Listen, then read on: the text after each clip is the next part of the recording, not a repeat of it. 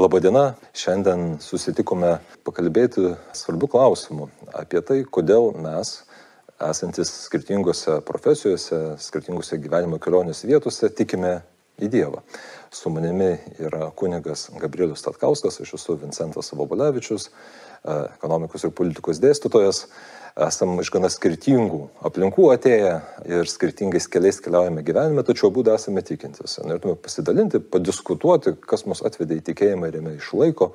Ir dėl to, nešvaistydamas laiko, iš karto kreipiuosi į kunigą Gabrielių, kaip paties kelionė atvedė į tikėjimą ir kas išlaiko tikėjimą.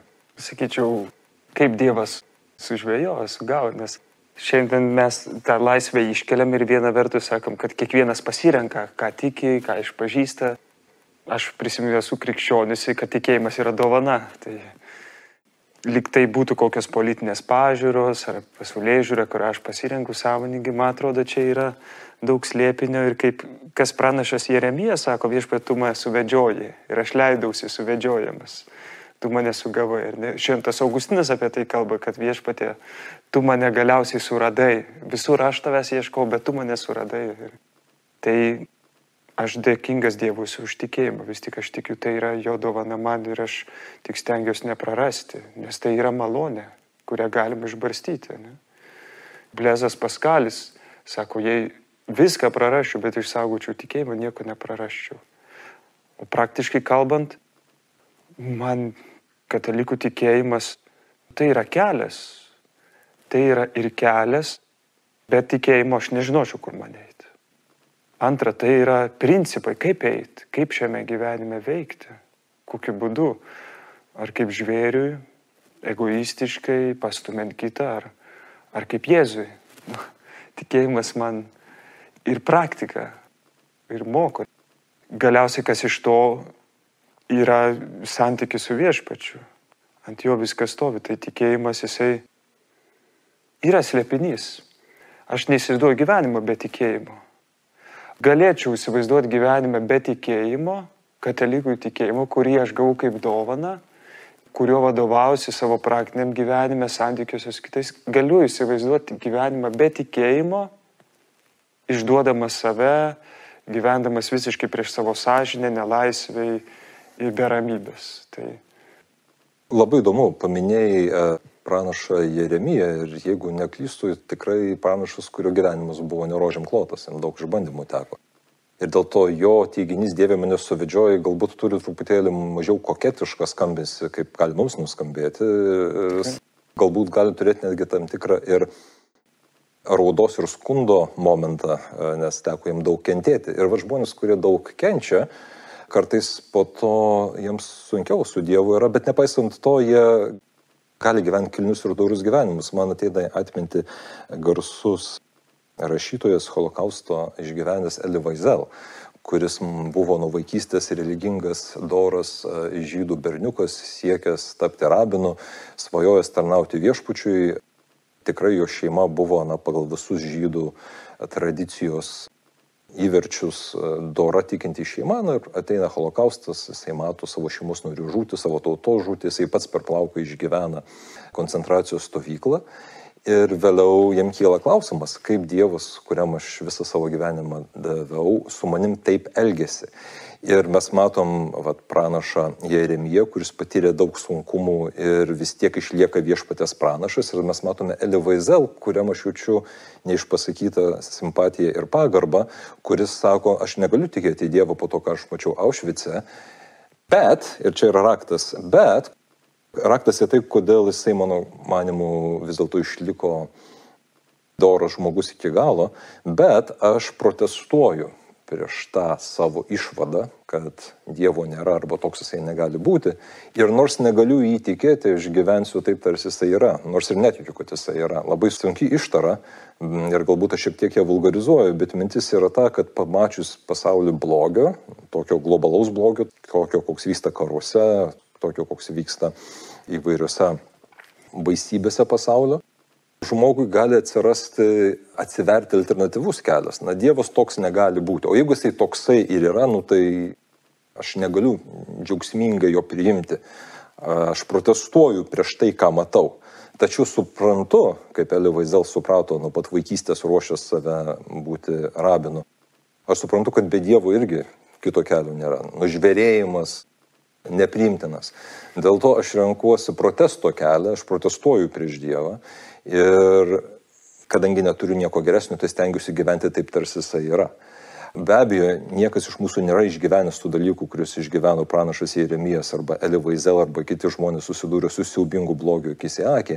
Bet vis dėlto, aš manau, daugeliu žmonių tas, ta dilema atsiranda. Gyvenime yra daug sunkumų, gyvenime yra daug nepaaiškinamų, atrodo neteisingumų ir panašių dalykų. Ir kaip jų akivaizdoje neprarasti to, kaip iš paties girdžiu, džiaugsmingo kalbėjimo. Dievas yra mano priebėga ir stiprybė, kas be būtų čia labai netiksliai parafrazuoju, bet aš neliūdėsiu, nes jis su manimi yra. Ir neperėti į tą irgi labai suprantamą ir, sakyčiau, gana sažiningą kalbėjimą serijos, nu tai, ką aš matau, man neleidžia džiaugtis Dievu. Ir aš, jeigu būsiu pakankamai supratingas, stengsiuosi gyventi taip, tarsi jisai yra, bet be džiaugsmo širdį, nes Dievo sukurta tvarka fain, sugadinta žmonių ir prigimtinės nuodėmės, bet vis dėlto yra nepakeliama ir bjauri ir sunki.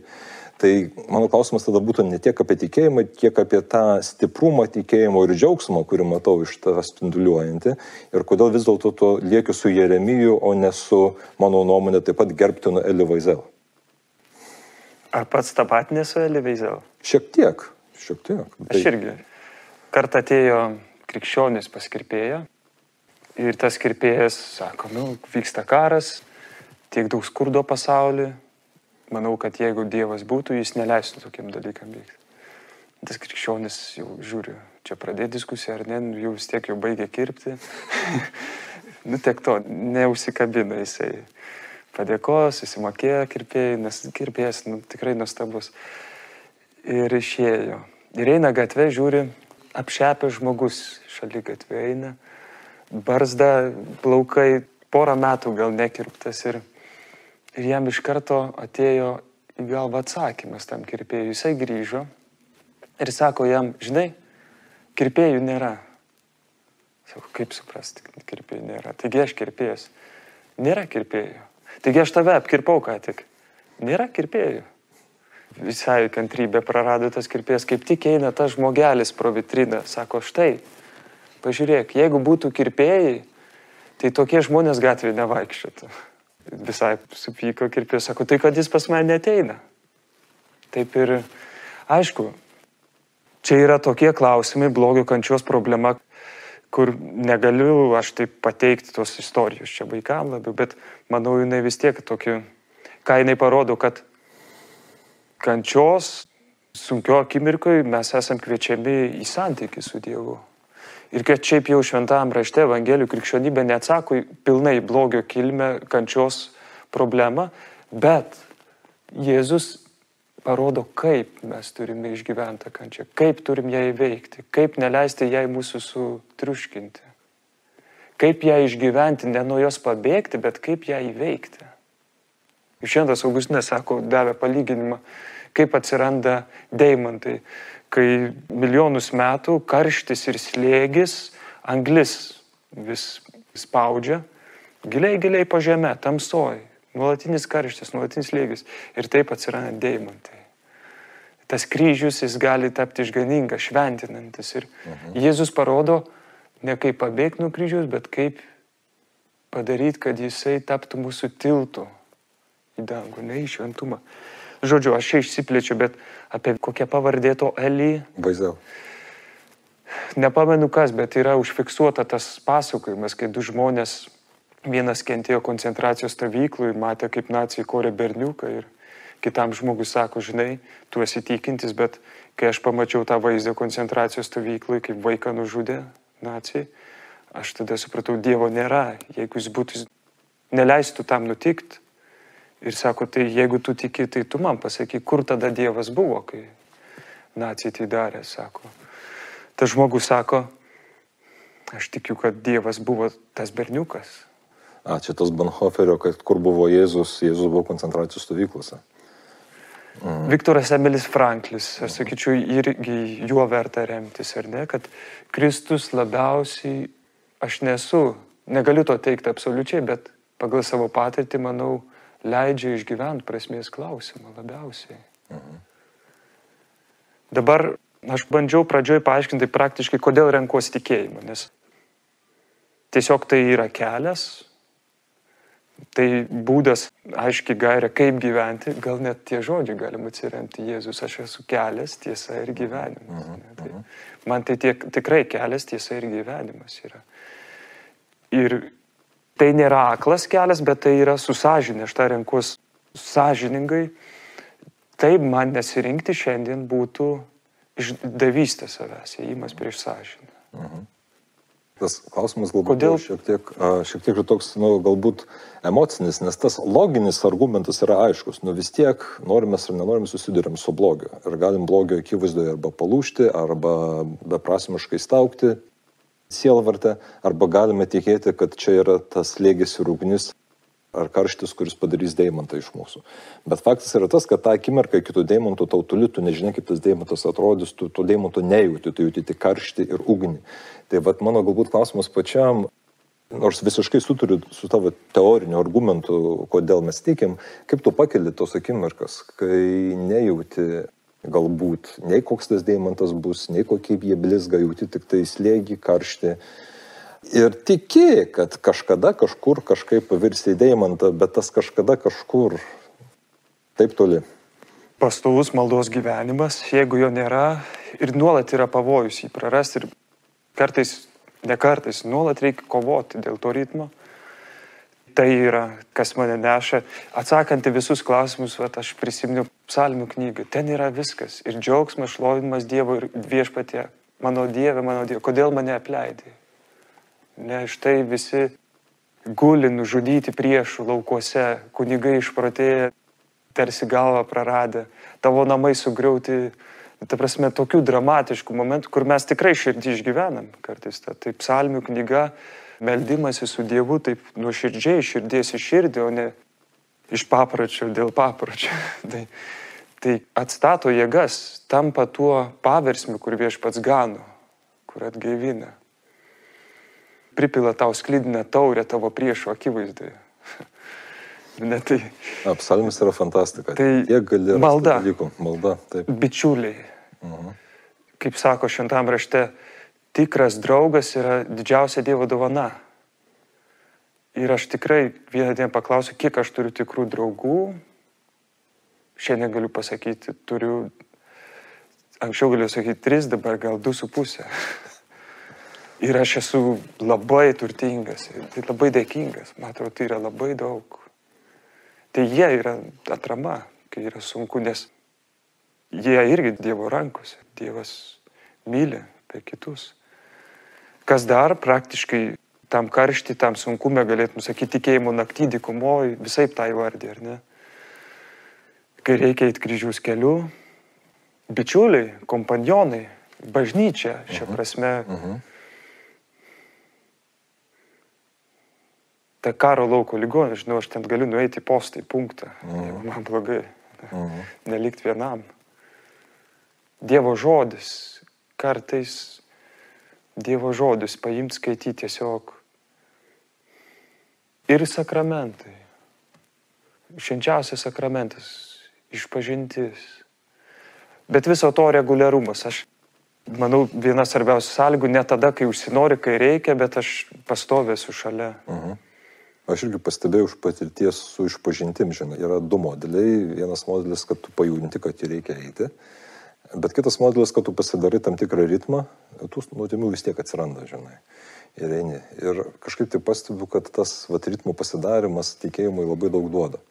Nes tu neleidi savo manyti, kad, ai, aš dar esu pakankamai tyras, nu, va, jau dabar jau įlipau į mėšlą, dabar jau turiu išlipti. Tas irgi yra, nu, kartais įlipi ir supranti, o, blin, reikia eiti dabar. Bet kai neįlipi, tas toks ėjimas reguliariai, kas tam tikrą nusistatytą laiką labai padeda, nes kai išini iš klausyklos, tikrai matai, kad gyvenime įvyksta stebuklai, jeigu tu jų nepleidai, žinai, Vat, tam tikros nuodimas, kurias išpažinai, kuriam laiko atsitraukia, žinai, kuriam laiko gauni to palengvėjimo, žinai, po to pats po truputėlį prie jų artinės idėja dažnai savo pasirinkimais.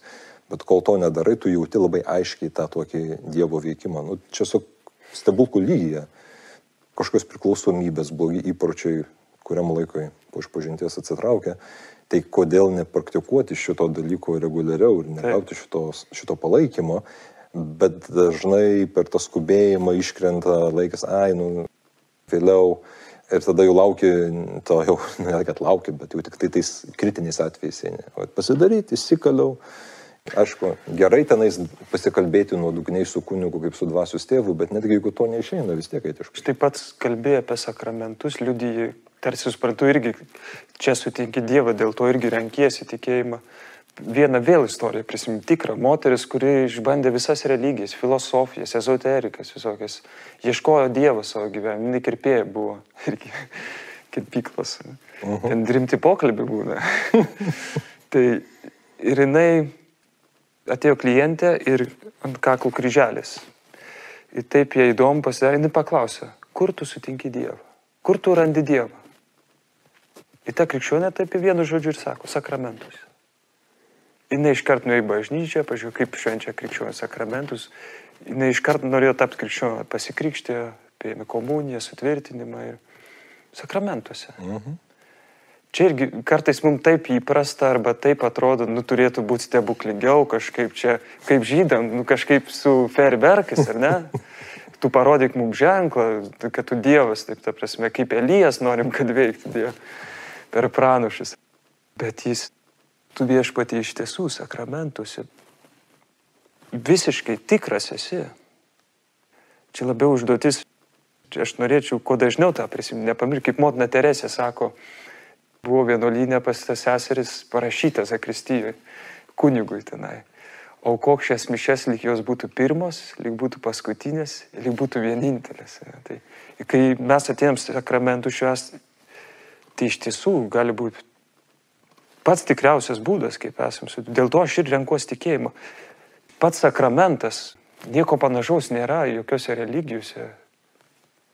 Tai unikalu yra, kad fiziškai priimu tai, kas yra tobula dvasia. Ir kad tai nėra tik šiaip intelektualiai įdomu, romantiška, nes gali toks susidaryti, mhm. bet tai tikra. Uh mhm. Tai veikia, ką pats sakai po išpažinties. Jauti pokytį tuo pačiu metu pagalvoju apie komuniją, vis dėlto Jėzaus kūnas, žinai, ir tas toksai ėjimas, ai, nu, visi eina, nu, liktai nieko blogo nepadariau, nu, viešpatė, pagalvoju, nu, plintų, pasikvietė Jėzų su tokia nuotaika, žinai, nu, jis aišku, tave myli ir tavęs nesunaikins, bet tuo pačiu metu, žinai, ir tinkamai ilgėsi, tas toksai, kai supranti, kas yra sakramentas. Žinai, kad paimi ir išeini iš bažnyčios, nes kažkur turi skubėti, o dar burno, žinai, kramsnoji ir jau galvoji apie savo reikalus. Aš renkuosi tikėjimą irgi, nes esu silpnas, esu sužeistas. Sau tą noriu priminti. Ir įsivaizduoju tą vaizdinį. Jėzaus palyginimas apie gailestingą samarietį, kai jis nugabena į užėgą tą sumuštą žmogų, leisgyvi, gimtosios nuodėmės sužeistą. Nu, tai aš esu. Kiekvienas. Mhm tas sužeistas Adomas kritęs. Ir duoda užėgo šeimininkui du denarus, kad gydytų, slaugytų. Tais dviem denarais. Šventas Augustinas sako, tai yra sakramentai į Dievo žodis. Ta užėga bažnyčia. Uh -huh. Bažnyčia, čia kur gyjus, stiprinuosi, sveikstu ir kaip tą patiriu labai konkrečiai per šventą raštą, per knygų knygą, per Dievo žodį tą ir per sakramentus vėl grįžtant. Kodėl renkuos katalikų tikėjimą? Nes čia labai konkrečiai išgyvenu, kaip Dievas gydo, stiprina, augina.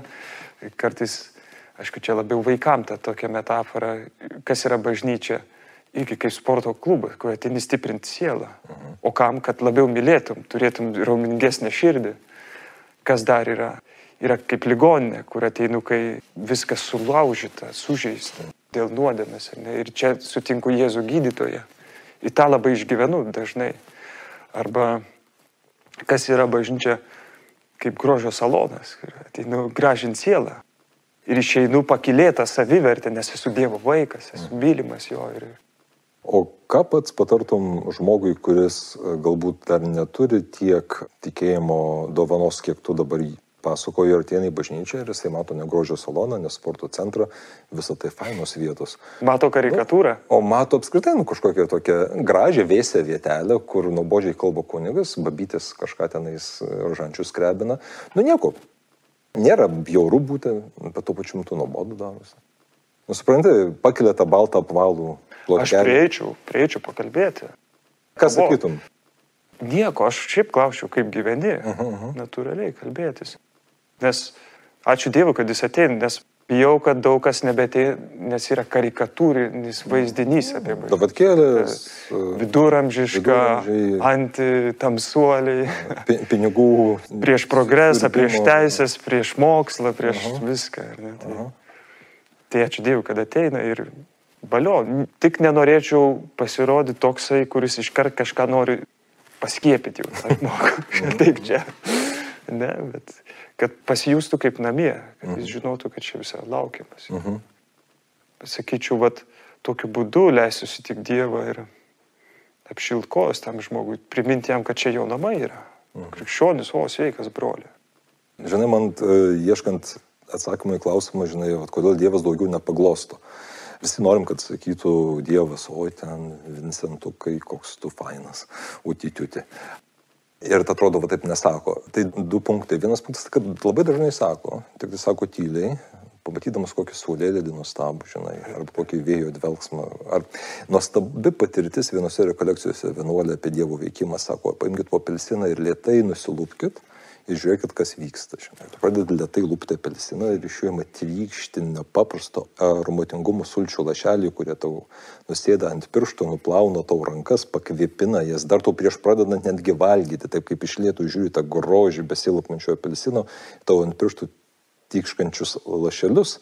O vargė Dievas man spa padarė šitam apelsinui. Apelsininis spa, netikėtino grožio. Tai pirmas dalykas, kad Dievas daro dalykus, bet uh, vis tik norisi daugiau, norisi to tokio žodžių ir panašiai. Ir šitoje vietoje aš imu galvoti, nežinau ar teisus esu, kad Dievas nori, kad tais galutiniais čiuptuvėliais, tais galutiniais plaukeliais, kurie glosto, būtume mes. Dievas duoda labai daug meilės, bet mūsų pareiga ar Dievo noras mums, kad mes vienas kitam, bet kaip tu sakėjai, atėjus į bažnyčią, kad ten rastų ne kokį aštrų šerį, ne kokį švitrinį popierių, o rastų žmogų, kuris išlikdamas tiesoje su tuo kitu kalba meilėje. Ir tada galbūt lengviau netapti nusiminusiu, kad o vargė čia vien tik tai presas, vien tik tai karštis, kaip aš tapsiu tuo deimantu, kurio net nežinau, kaip jis atrodys ir apskritai nežinau, jo noriu tapti, apskritai kokį čia išmislą Dievę padarėjai, jeigu jauti Dievo meilę tuose plaukeliuose, šereliuose, nu aš turiu omeny, va, tokiuose glostančiuose, kurie yra kiti žmonės. Ir glostantis nemelu, bet nu, jie tiki į tiesą, bet tuo pačiu metu su tavimi elgesi kaip su broliu. Va. Ir to žiauriai, žiauriai reikia visur šeimose, bažnyčiose, kad tu atėjęs rastum ne kažkokius sustabarėjusius, turi daryti taip, taip, turi daryti taip, taip, reikia atsiklaupti, kur reikia atsiklaupti, bet pirmiausiai labus broliui. Atsiklaupsi, kai ateis tam laikas. Einam į tą, ar ne? O Vincentai, jūs šeimos tėvas, mhm akademikas esat, dėstytojaujat. Taip. taip. Ir kodėl renkatės tikėjimą?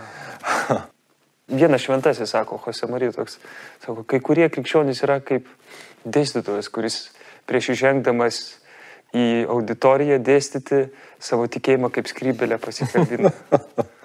Jūs taip darote ar ne? Čia yra klausimas. Vienas iš man įtaką padariusių teologų, tėvas Lorenzo Albacete, New York'e gyvenęs Jis yra fizikas pagal įsilavinimą ir sakė, dirbdamas kaip fizikas ir tuo pačiu metu būdamas tikintis, gaudavo daug klausimų, sako, tai kaip čia dabar laboratorija atlieki tyrimus, o sekmadienį eini į kažkokią vietą, kur sako, kad negyvas žmogus prisikėlė. Tai ar tai nėra konflikto? Mano atveju tai atvirkščiai. Kaip tik mokslinio metodo taikymas Ir šiaip pagarba didelė mokslui kaip tik mane paskatino suprasti, kad tikėjimas man yra absoliučiai būtinas. Nes jeigu vadovausimės moksliniais principais, iš tiesų galėsime išaiškinti daugybę dalykų, kurie dar iki visai neseniai atrodė nepaaiškinami, pakankamai racionaliai ir redukuoti juos į materiją. Netgi žmonių jausmus, kilnius norus, altruizmą, tai kad tėvas Maksimilijonas Kolbė sutiko žūti už kitą, galima būtų redukuoti evoliucinius duotus instinktus, kurie tinkamai puoselėjimi gali privesti prie vienokio ir kitokio iš mūsų tradicinių pozicijų nepaaiškinamo, bet kilnaus žesto. Taigi viskas žemiška ir viskas materialu.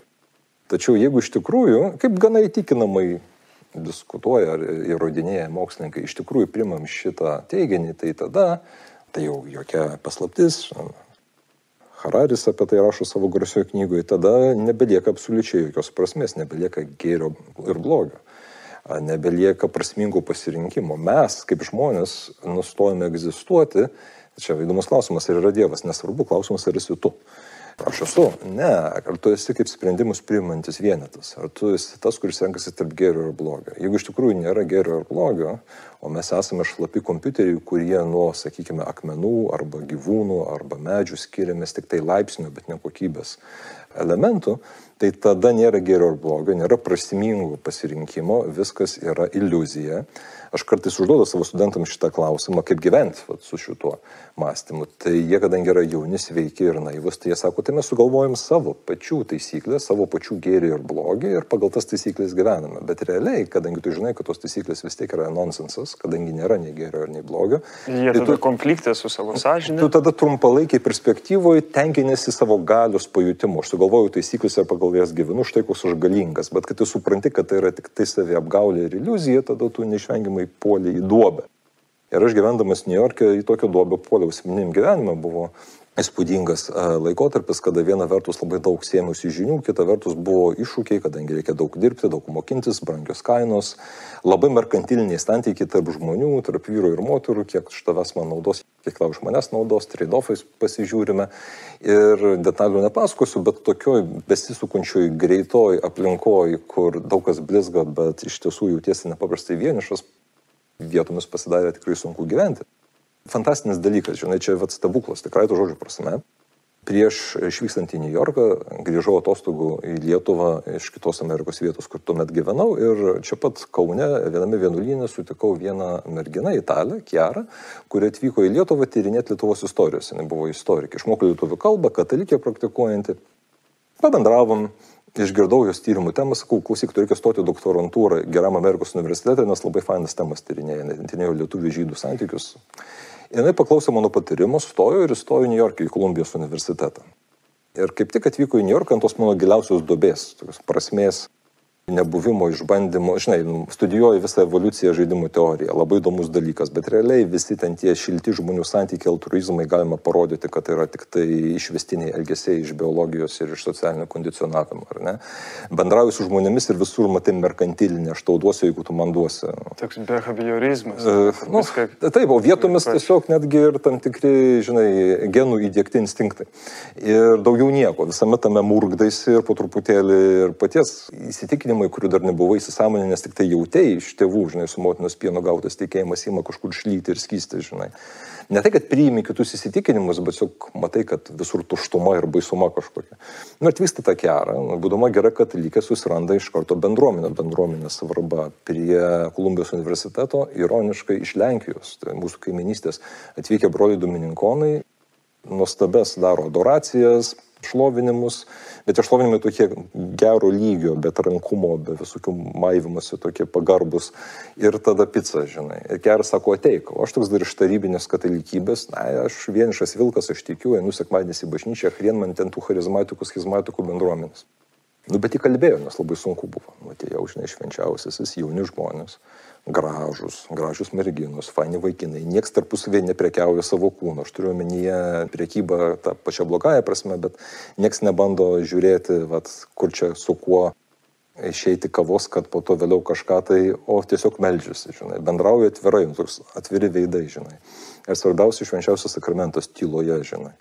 Būni ir taip jauti, kad tos baimės, tie mėšlai, tie visi akmenys nuo tavęs krenta. Išiniai gatvę, vėl suspaudžia. Žinai, ir taip tokia kova pradeda vykti, tada sakai, dar nenoriu eiti į gatvę, einam picos, žinai, einam hebra picos, žinai, pabūkim daugiau kartu, žinai. Ir tada po truputėlį, taip žingsnis po žingsnis, žingsnio per tą adoraciją, jauti, kad kokybiškai kitaip esi, negu vien tik tam pasaulyje, tose ritmuose pasaulio gyventamas. Ir tada galiausiai priimi sprendimą, tokį radikalų sprendimą. Fine, visi tie mechanizmai, kuriuos aprašo evoliucinė teorija, evoliucinė žaidimų teorija, jie puikiausiai gali veikti. Bet aš pasirinku tikėti, kad už viso to, už visų tų mechanizmų yra kuriejas, kuris mane myli.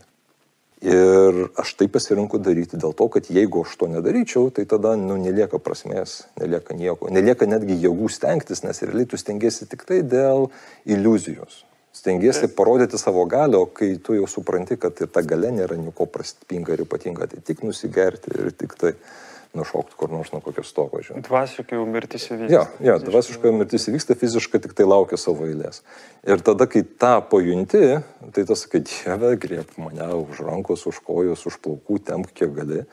Žinai, ir jėmė ieškoti tos draugijos, kaip sakai, tų bendraminčių, bendražygių eini reguliarios išpažinties, stengiasi labai sunkiai vengti nuodėmių, nes jos yra jaugusios į įprotį ir jos tavęs nepaleidžia, tai pastoviai su to kovoji, žinai. Ir tada kitas fantastiškas dalykas, va, grįžimas į Lietuvą, žinai, aš jau buvau nusprendęs, kad liksiu Amerikoje. Ir tada sukrenta eilė dalykų. Finansų krizė 2008 metų. Sprendimas firmos, kuri dirba užkelti biurą į Čilę iš New Yorko ir mokėti čilietišką atlyginimą, kuris nėra toks jau labai geras. Sprendimas mano nevažiuoti į Čilę, bet likti New York'e su darbo viza. Stebuklingas darbo vizos negavimas, nors atitikau visus kriterijus, bet buvo tie metai, kai sumažėjo vizų kvota, būtent vienais metais baigėsi sena kvota, nauja nebuvo padidinta ir aš negaunu darbo vizos. Tiesiog Amerika mane išspjauna į Lietuvą.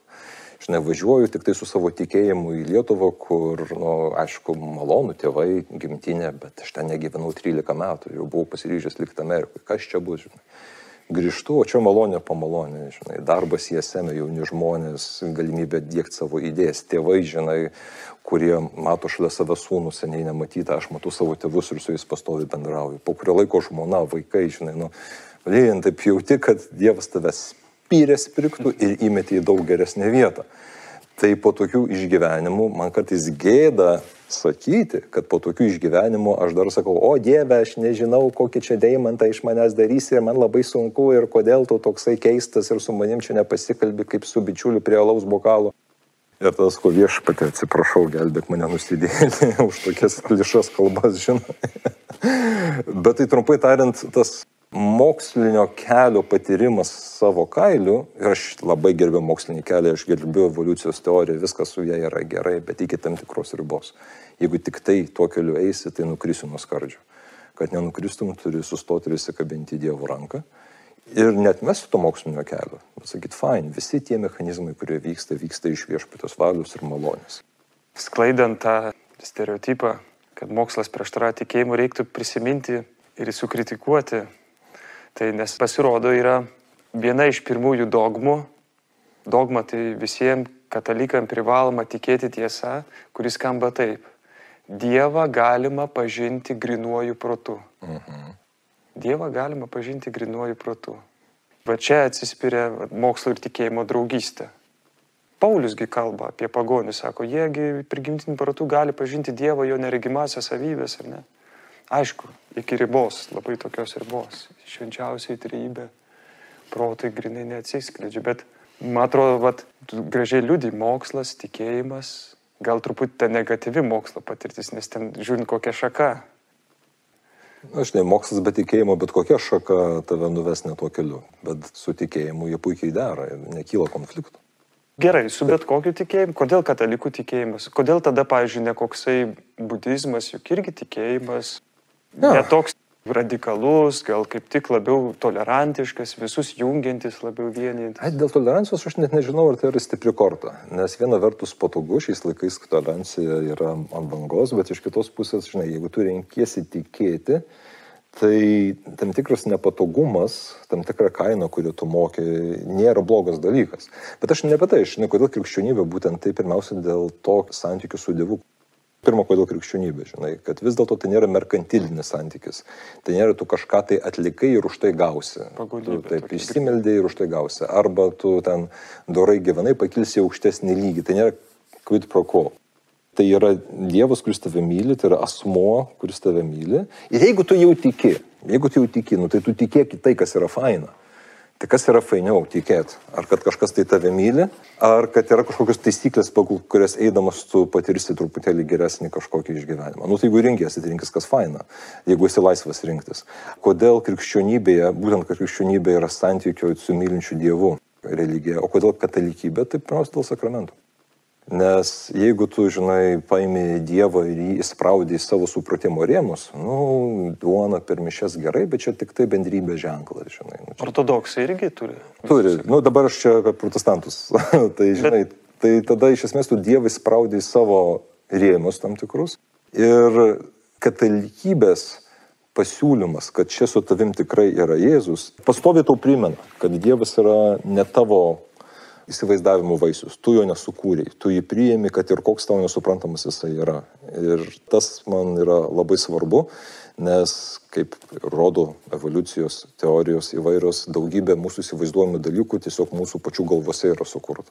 Tai jeigu aš jau tikiu, tai aš tenksiuosi tikėti tai, kas nėra sukurta mano galvoje ir ką yra gal tam tikras sunku priimti, kaip vat, sakramentą ir Dievo tikrą buvimą komunijoje. Dėl ortodoksų aš neturiu tokios stiprios opinijos, bet klausyk, jeigu tu augai Lietuvoje ir esi lietuvis, nieko prieš brolius rusus neturiu, bet jeigu tu augai Lietuvoje ir esi lietuvis, tai tu nebūsi pravoslavas, taškas, točka. tai aš niekada tai neturėjau to pasirinkimo, tokio net, net apsvarstęs, žinai. Nors Amerikoje pažinojau žmonių, kurie nusivylę tam tikrom liberaliom tendencijom, vat, kurių krikščionybė perėjo į ortodoksiją ir dabar prašom karo su Ukraina. Yra to tokia tendencija. Yra. Bet dabar karas su Ukrainoje ir jie suko uodegas ir sako, nu žinot, mes perėmėme Konstantinopolio patriarchatą, bet vis tiek nepatogiai ten jaučiasi dabar. Dėl ortodoksijos aš tiesiog, nu, žinai, vat, kaip lietuvis net nesvarščiau šitoje vietoje, bet nu, tai rodo mano siaurą pasirinkimą. Katalikybė pasirodo pirma religija pasaulyje, kur pripažįsta evoliuciją. Mhm. Ne evoliucionizmą, taip, taip. ne kreacionizmą, bet evoliuciją. Tai ką Darvinas irgi teigia, katalikas. Su dviem sąlygom. Mhm. Ką pats minėjai, kad jeigu Dievas pirmą gyvą lastelę sukūrė, o ne jinai savaime kažkaip mhm. atsirado ten. Ir jeigu fiziškai žmogus tiek išsivystė evoliucijos dėka, neaišku, iš kokių organizmų, nes čia irgi yra mitas, sako, žmogus iš beždžionių, netiesa beždžionių ir žmogaus protėvis tas pats yra. Mm. Tai, kad teigia darbinis, bet kas toks neaišku. Tai žodžiu, Dievas įkvėpia nemirtingą sielą į tą kūną išsivyščiusi ir tada atsirado žmogus su protu, su laisva valia. Tai dvi sąlygos, ar ne? Tai bažnyčia sako, jeigu mes jas priimam, kas nebuvo problema darbinių, tai tada mokslas, tas evoliucijos su katalikų tikėjimu randa dermę, uh -huh. nėra konflikto. Uh -huh. Taip, nu, mano atveju tai netgi padėjo sustiprinti tikėjimą stipriai. Nes be tikėjimo evoliucija nuveda į beprasmybę ir nihilizmą. Einšteinas, kuo labiau gilinuosi mokslo, tuo labiau pažįstu Dievą. Uh mhm. -huh. Žinai, mes, mes turim už tos garsius mokslininkus daug pasimelsti, nes mes labai norim, kad jie būtų mūsų bendražygiai, tai dažnai išgirstam, kad ten Einšteinas apie Dievą daug kalbėjo. Realiai tai ten tie jų santykiai su Dievu buvo problematiški.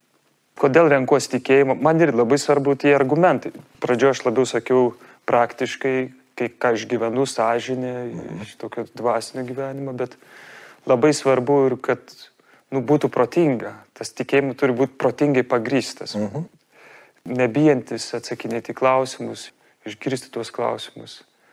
Tai jaučiu, kad katalikų tikėjimas jisai į protą jungia ir priima kaip Dievo dovana, nepaniekina į tą visą istoriją bažnyčios ir mokslo, pirmieji universitetai, uh mhm. -huh. kur kilo prie katedrų.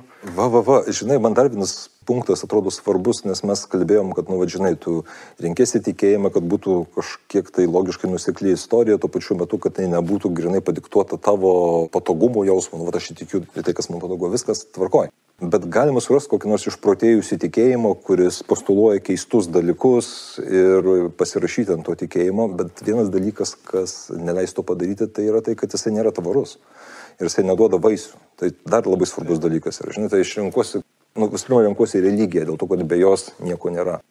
Kai renkuosi religiją, renkuosi krikščionybę, nes yra santykis su Jėzumi. Kai renkuosi krikščionybę, renkuosi sakramentus, nes tai pastoviai plečia mano supratimą apie tikėjimą, nesupratimą, bet primena man, kad Jėzus ir sakramentai nėra mano kažkokie išgalvoti dalykai. Bet jeigu visa tai būtų nesąmonė, tai mes neturėtume tokio nuostabaus paveldo, kultūrinio, hmm. meninio, mokslinio, kuris stovi. Vakarų civilizacija. Ir tai nebūtų taip tinkama gyvybei ir klėstėjimui. Buvo ekscesų, buvo iškraipimų, bet pagrindinė linija krikščionybė ir jos simbiotinis ryšys su mokslu, krikščionybė, katalikybė ir indėlis į meną, krikščionybė ir jos indėlis į šeimos gyvenimą. Jeigu kalbėsime apie krikščionybę ne kaip priemonę savo galiai primesti, o kaip Jėzus moko dalintis ir aukotis vieni dėl kitų. Tai šitie dalykai keisti ir beprotiški, nu, va, žinai, negyvas žmogus prisikėlė, donos gabalėlė yra Dievas. Keisti ir neprotiški dalykai duoda tokius vaisius Galų galia šventas raštas pilnas tarpusavo prieštaravimų ir jeigu būtum gudrus šventikas norėjęs sukurti religiją, tikrai nerašytum švento rašto taip, kaip jisai parašytas. Parašytum gudriau, kad būtų nusaikiau viskas. Nu, prieštaravimas ant prieštaravimo. Ir dienos pabaigoje iš jo išaugo tokia kultūra ir civilizacija. Pirmieji kankiniai, blinai, liūtam šeria, žinai, žmonės, o jie sako, valiotoj busim su Jėzumi. Tai ar jie buvo visi durniai, ar jie sutraukdo vien tik tai manijakus, suicidus, Nu, atrodo ne, kadangi plėtėsi ir plėtėsi sparčiai, tai plėtėsi ir tarp pačių įvairiausių žmonių. Ir dienos galėjo paliudijo savo krauju, žinai, šimtai ir tūkstančiai žmonių. Nu, visos tos istorijos, to keisto tikėjimo, kuris po to duoda gyvybę, kuris duoda kankinius, kuris duoda mokslo pagrindą, kuris duoda kultūros proveržį, kuris duoda šeimos gyvenimo pagrindą. Tai mane užtikrina, kad aš geroje vietoje esu. Aš taip iš savo pusės, jeigu apibendrinti, kodėl renkuosi tikėjimą, vis tiek prisimenu, va dabar jau protų, truputį atsitraukų netikėjimo, kad vis tik tikiu, kad mes žmonės iš prigimties esame religinės būtybės. Ir jeigu aš pats kaip žmogus noriu būti laimingas, turėti kažkokią harmoniją, išsipildęs, laisvas, augantis, kuriantis, aš turiu leisti savo tam nuskleistis tikėjimui, tai paieškai, tam troškimui, neužgneušti jo ir, ir išsaugoti, kad jisai kažkur nebūtų užkastas, pakastas po hedonizmu kokiu. Tai vienas vat, momentas. Ir tą sako bažnyčia, bet mes tą ir grinuoju protų galim pastebėti, kad tikrai žmogus yra religinė būtybė iš prigimties. Ir ateistas tiki, kad nėra Dievo. Jam reikia vis tiek tikėjimo. O antra, tai aš vėl grįžčiau prie tos minties, kur pradžioje minėjau. Tikėjimas yra malonė, yra dovana ir vis tik ne aš renkuosi tikėjimą. Aš atsiduodu Dievui, leidžiuosi suvedžiojamas. Aš leidžiu jam pasirinkti mane. Vėl ir netinka tas leidžiu, aš, žodžiu, nemaištauju. Nors ne, praktiniam gyvenimui maištauju. Mes visi maištininkai prieš Dievą. Nuo pat pradžios norim būti kaip Dievas. Bet, žodžiu, ne aš renkuosi tikėjimą, jeigu taip žiūrėti iš šonų, sociologiškai, religijoteriškai, ten psichologiškai, bet Dievas galiausiai priimu tą slėpinį, renkasi ir aš tik noriu, sakyčiau, dvasingumo, va, tokia taisyklė gyventi, leisti Dievui būti Dievu mano gyvenime, netrukdyti jam, leisti Dievui būti Dievu. Mhm. Ir man patinka katalikybė, nes iš vis čia galima apie tai kalbėti. Ne apie mano pasim, mano iniciatyvą, ne apie mane, bet apie jį, kuris yra virš visako, kuris yra meilė, kur yra irgi virš visko. Amen. Ir tą konkrečiai galime mes slėpiningai išgyventi, prisiliesti. Kągi, tai ačiū Gabrielau, buvo smagu pašnekėti, smagu pasidalinti. Ačiū už liūdėjimą irgi paties. Abipusiai. Sudėjome klausytojai.